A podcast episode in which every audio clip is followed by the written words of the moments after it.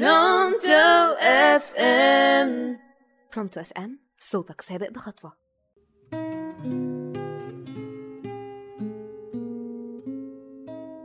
أهلا بيكم في حلقة جديدة من برنامجنا أنا مش بطل. النهاردة هنتكلم عن موضوع مهم جدا وهو عن الأهداف. كلنا عندنا أهداف وحابين إن إحنا نحققها ولكن مش عارفين نبدأ إمتى أو إزاي أو منين. ففي البداية عايزين نعرف إن تحقيق الهدف بيحتاج لعوامل أساسية إنه يكون واضح واقعي إن إحنا نحدد له وقت ولازم إن إحنا نتحمل المسؤولية تجاهه. محتاجين إن إحنا ندير أوقاتنا ويكون عندنا انضباط في السعي ليه.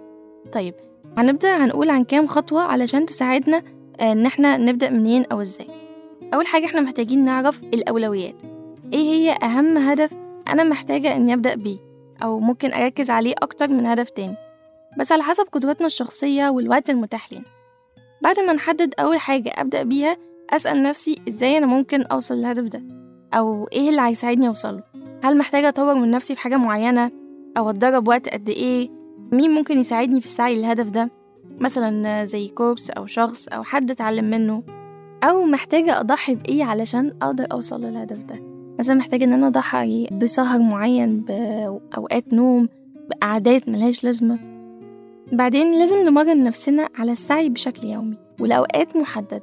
أحاول أختار إيه الوقت المناسب ليا والمكان اللي هقدر أركز فيه لأن لما ببدأ أسعى لحاجة بشكل يومي بتختلف عن آه لما أبدأ يوم وعشرة لأ. أحاول أبحث عن الوسيلة اللي هتساعدني في الوصول للهدف ده. يعني مثلا هل الهدف ده آه محتاج إن أنا أقرأ أكتر؟ محتاج إن أنا آه أكتب كتير؟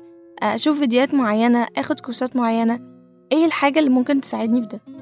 كمان ما نستناش الوقت المناسب أو المكان المناسب أو إمكانيات معينة. لازم نبدأ بالمتاح لينا حاليا نحاول نطور إمكانياتنا مع الوقت. فلو بتدور على الوقت المناسب فالوقت المناسب هو دلوقتي. ما تخليش الخوف من الفشل يوقفك ويمنعك تكمل لأن الفشل الحقيقي هو إنك تفضل واقف زي ما أنت وما تسعاش لأهدافك.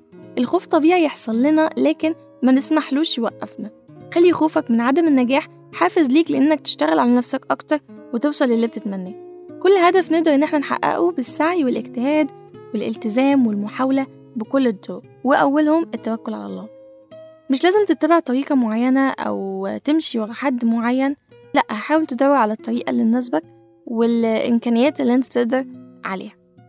اعمل خطة واضحة ليك وفيها بدايتك وأدواتك المتاحة والحاجات اللي أنت محتاجها وسجل دايما أول بأول عملت إيه وفاضلك إيه ومحتاج إيه علشان تقدر توصل أكتر.